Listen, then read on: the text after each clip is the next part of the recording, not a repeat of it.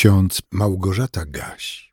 W poniedziałek 16 maja 2022 roku kalendarzyk z Biblią na co dzień proponuje nam dwa wersety.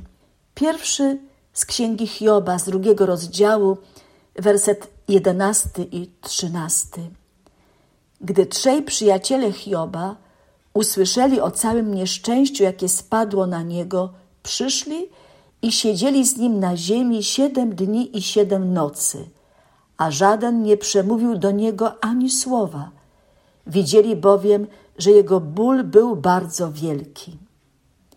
Mamy też werset z listu do Galacjan z szóstego rozdziału, wiersz drugi. Jedni drugich brzemiona noście, a tak wypełnicie zakon Chrystusowy.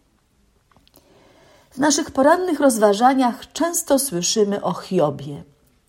Może pamiętacie, że w miniony czwartek 12 maja był omawiany przeze mnie werset z listu Jakuba, mówiący o wytrwałości tego nieszczęśliwego człowieka, tak bardzo doświadczonego, że aż trudno uwierzyć, że jeden człowiek jest w stanie aż tak wiele znieść tak wiele wytrzymać i nie stracić wiary w Boga.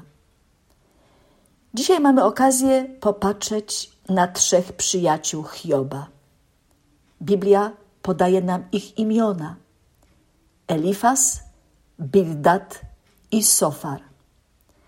Dowiadujemy się z drugiego rozdziału księgi Hioba, że gdy oni usłyszeli o nieszczęściu, jakie spotkało ich przyjaciela, Szybko umówili się, że go razem odwiedzą, aby wyrazić mu swoje współczucie i pocieszyć go. A gdy z daleka spojrzeli na niego, nie poznali go. Poczęli głośno płakać i każdy z nich rozdarł swoje szaty i rzucali proch w górę na swoje głowy.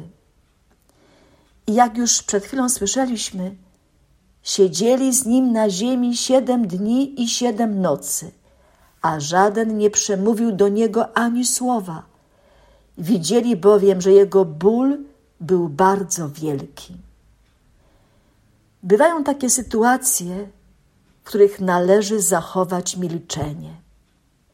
Bywają takie nieszczęścia, których jesteśmy świadkami, i w żaden sposób nie możemy pomóc cierpiącej osobie bywają takie doświadczenia, które na pierwszy rzut oka oceniamy jako niemożliwe do przeżycia. Być może byliśmy już kiedyś w tak trudnej sytuacji jak przyjaciele Hioba. Gdy go zobaczyli, zaczęli płakać z rozpaczy, ze współczucia.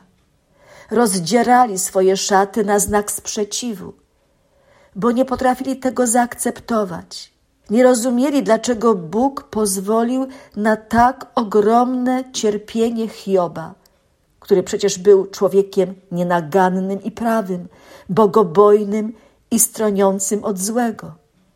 Elifas, Bildad i Sofar posypywali swe głowy popiołem na znak pokuty, zgodnie z ówczesnym zwyczajem panującym w tej części świata a potem postanowili usiąść obok swego przyjaciela na ziemi. I tak siedzieli siedem dni i siedem nocy, jak czytamy w Biblii. Warto przypomnieć, że w języku biblijnym liczba siedem oznacza pełnię. A więc możemy przypuszczać, że przyjaciele Hioba siedzieli w milczeniu obok niego tak długo, jak długo należało siedzieć. Wykazali dużą empatię. Nie chcieli go jeszcze bardziej zranić. Cierpliwie czekali, aż wreszcie Hiob otworzy swe usta i sam coś powie. Myślę, że taka postawa przyjaciół Hioba jest godna naśladowania. Oni się nie śpieszyli. Wszystko zostawili Mieli czas dla swego przyjaciela i nie dawali mu do zrozumienia, że powinien się pośpieszyć, bo oni chcą wrócić do swoich codziennych obowiązków.